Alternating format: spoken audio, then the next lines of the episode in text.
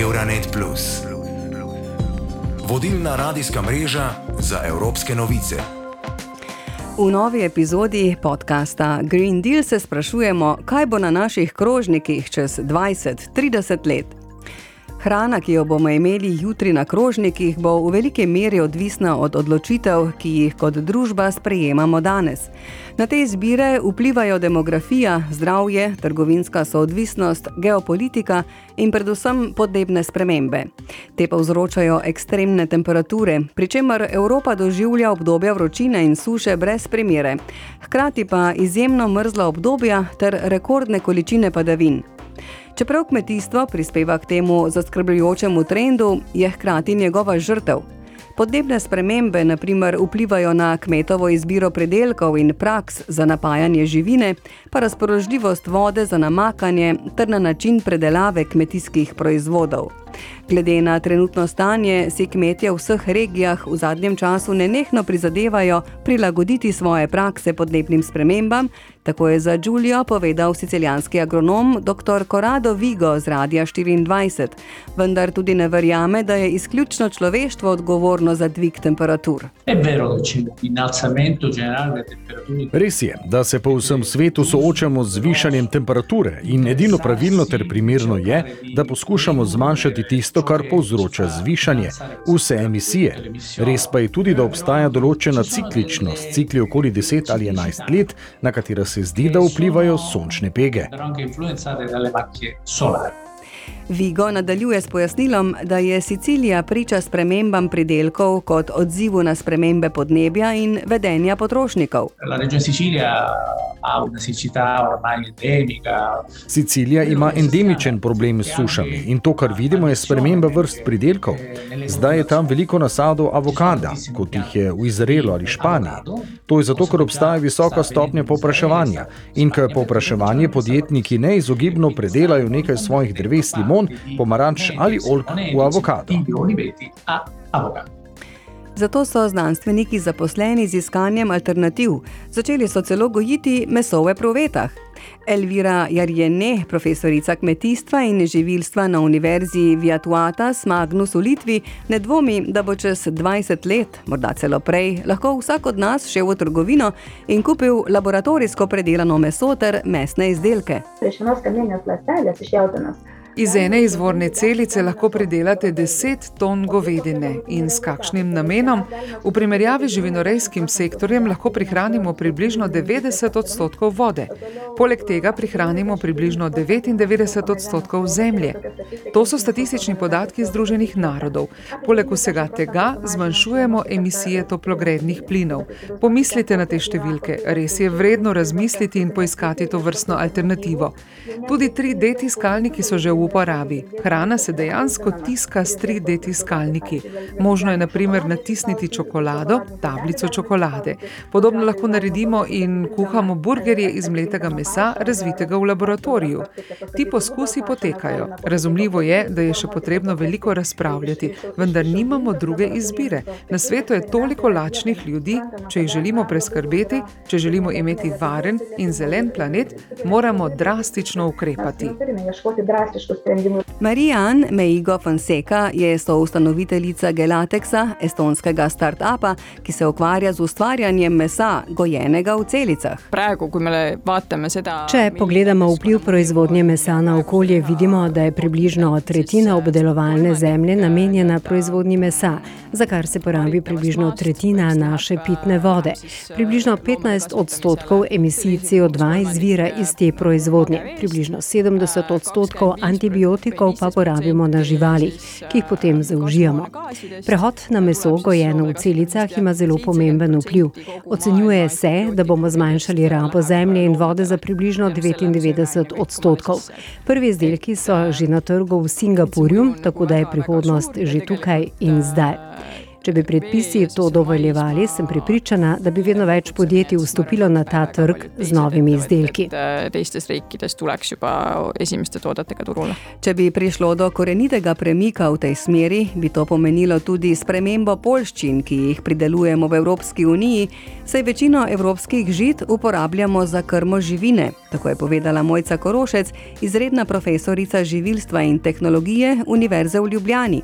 Mojca Korošec dodaja, da pri iskanju alternativnih virov beljakovin potrebujemo malo razsvetljenega razmišljanja. Svetovna populacija raste, po drugi strani se pa uh, vsaj tukaj v našem predelu uh, tudi stara. In beljakovine so ene pomembnih virov, oziroma pomembnih hranil, ki jih potrebujemo tako za recimo mlado odraščajočo populacijo, kot tudi za eno zdravo staranje. In uh, definitivno meso je kakovosten vir beljakovin, mhm. ampak pravzaprav ob naraščajočih potrebah, a ne tudi naraščajoči populaciji, uh, je treba konkretno raz, razmišljati in tudi iskati o alternativnih virih beljakovin. Spravi, ti alternativni viri pa morajo biti kakovostni, kar pomeni, da tudi nekako prebivalstvu zagotovimo konec koncev vse tiste uh, pomembne aminokisline, ki jih recimo naše uh, telo ne more tvoriti. In to pomeni, da porabo mesa uh, na nek način bomo morali zmanjšati, zato da bi delno razbremenili tudi okolje v določenih, v določenih področjih. Um, Sveda si pa vire beljakovin si pa moramo zagotoviti. In tukaj nekako stopajo recimo v spredje tako imenovani alternativni viri beljakovin, ki jih nekatere poznamo lahko že tudi iz svoje, rečemo iz svoje zgodovine ali pa prehrane prednikov. Um, to so naprimer stročnice. Uh, po drugi strani pa tudi alternativni viri beljakovin, kot so naprimer insekti, Ne? Uh, zdaj, za nekatere, uh, za nek na nekaterih delih planeta, uh, konec koncev, že neka tradicionalna prehrana, medtem ko za neka druga področja lahko tudi nekoliko bolj eksotična. Ne? Mm. Tretji, tretji tak, recimo, vir alternativnih. Beljakovin predstavljajo pa tudi morske alge oziroma mikroalge, ne, ki so ravno tako uh, bogate. Poleg beljakovin tudi z nekaterimi minerali in pa vitamini. Joana Maura, portugalska nutricionistka in avtorica knjig o pripravi hrane, ponavlja to morda neprijetno resnico o insektih. V azijskih državah je to nekaj, kar vidimo celo na uličnih stojnicah. Odsvrte žuželke veljajo za poslastico. To je vir beljakovin, kateremu se lahko obrnemo v prihodnosti. Obstajajo že moke iz žuželk za izdelavo naprimer tort in piškotov. Pogosto ljudje nimajo pojma, vendar obstaja že veliko beljakovinske moke proizvedene iz žuželk. V okusu ni nobene razlike. Če ne bi vedeli, mislim, da ne bi opazili, vsaj ne v piškotih iz žuželčje moke, ki sem jih poskusila. Ne bi vedeli, če vam ne bi povedali. Toda kaj je mogoče storiti, da bi pomagali tej nadobudni industriji hroščev? Kremena Dervenkova, so predsedojoča Združenju proizvajalcev in predelovalcev žuželk v Bolgariji, pojasnjuje, da mora biti sprejeta ustrezna zakonodaja in da mora biti na voljo finančna podpora. Če bo Bolgarija sprijela predpise, bo imela možnost za razvoj konkurenčnega sektorja gojenja žuželk. Poglejmo z ekonomskega vidika. To je priložnost za Bolgarijo, da postane vodilna v proizvodnji in izvozu izdelkov iz insektov v celo Evropo.